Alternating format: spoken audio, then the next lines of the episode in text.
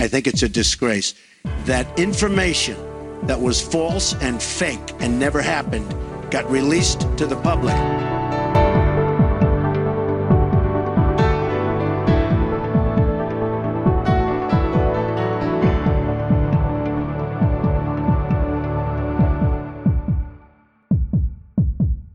Välkommen till min röst och sjuka fakta. För dig som inte känner igen min röst så heter jag Simon Körösi. Trevligt att råkas. Jag är läkare, hälsopedagog och 30 år gammal. Dialekten är bakad i Stockholm medan familjen till hälften är från Göteborg och andra hälften är från Ungern. Jag ser mig själv som en tröstlös pragmatiker vilket betyder att jag till stor del lägger mitt fokus på att hitta lösningar till ett problem och mindre fokus på att fundera över allt runt omkring. Kanske är det också därför jag lägger stor vikt vid naturvetenskap, för att kunna förstå världen. Det är så min hjärna fungerar. Men alla är vi olika. Som läkare får man frågor i livets alla sammanhang. Och jag är inte en specialist. Min upplevelse är att man ibland uppfattas som ett vandrande lexikon. Så är det ju självklart inte för alla, men det kanske är ett bevis på att många har frågor om sina kroppar och vill förstå hur man fungerar. Vi läkare kan aldrig allt. och ofta snarare kanske ganska lite, men om ganska mycket. Om kroppen då, det vill säga. En eh, stor del av vår profession går även ut på att bedöma vilken ny kunskap som är sann och vilken som inte är det. Att titta på forskning och kunna se hur vi använder nya rön i vården som redan finns är ju avgörande för att vården ska utvecklas. Men det finns ju också gott om forskning som är vilseledande. Och hade den slagit igenom i vården så hade det ju kunnat bli väldigt farligt. Men som vi kommer få höra så finns det många exempel på uppfattningar som inte stämmer och som aldrig stämt eller som kanske varit en sanning tidigare men sedan inte uppdaterats i befolkningen trots att vården kanske gått vidare och uppdaterat denna sanning till 2.0. Innan jag avslutar vill jag ta en liten kort eh, avstickare och passa på att rikta några väl valda tack till några som har gjort den här podden möjlig. Ni får eh, hålla till godo i sådär 53 sekunder, eh, för det kommer en punchline efter detta.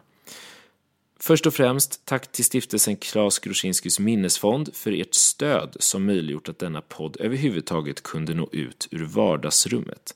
Micke Lindfors, producenten som tog sig an mitt projekt och myntade de magiska orden skit in blir skit ut, som verkligen har kämpat för att putsa till det som putsas kan.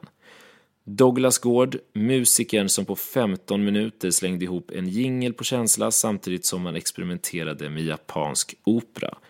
Jimmy Bysell och Mattias Holmberg som på olika sätt bidragit till omslaget åt någon med total avsaknad av kreativitet. Och slutligen, men inte minst, lillebror Jonathan. För att vi under en lång bussresa diskuterade vårdens brister, vilket resulterade i idén till en podd. För den här podden var inte tänkt som en podd från början. Det var snarare ett experiment i syfte att slå ner ett gäng myter som florerar för patienter som söker hjälp. Snart blev det dock tydligt att det finns myter om det mesta. Och så var inspelningarna igång. De flesta avsnitt i den här första säsongen är inspelade med mobilen som mikrofon. Därav varierande ljudkvalitet. Och jag ber verkligen om ursäkt för detta. Men gästerna, de är valda med omsorg för att just säkerställa expertis på varje område för att belysa vad vi med säkerhet kan säga är en myt, vad som verkar vara sant och vad som ligger någonstans i mellanlandet. Och jag ska erkänna att det inte är helt enkelt att få till tid för intervju när man inte är känd eller särskilt omtalad.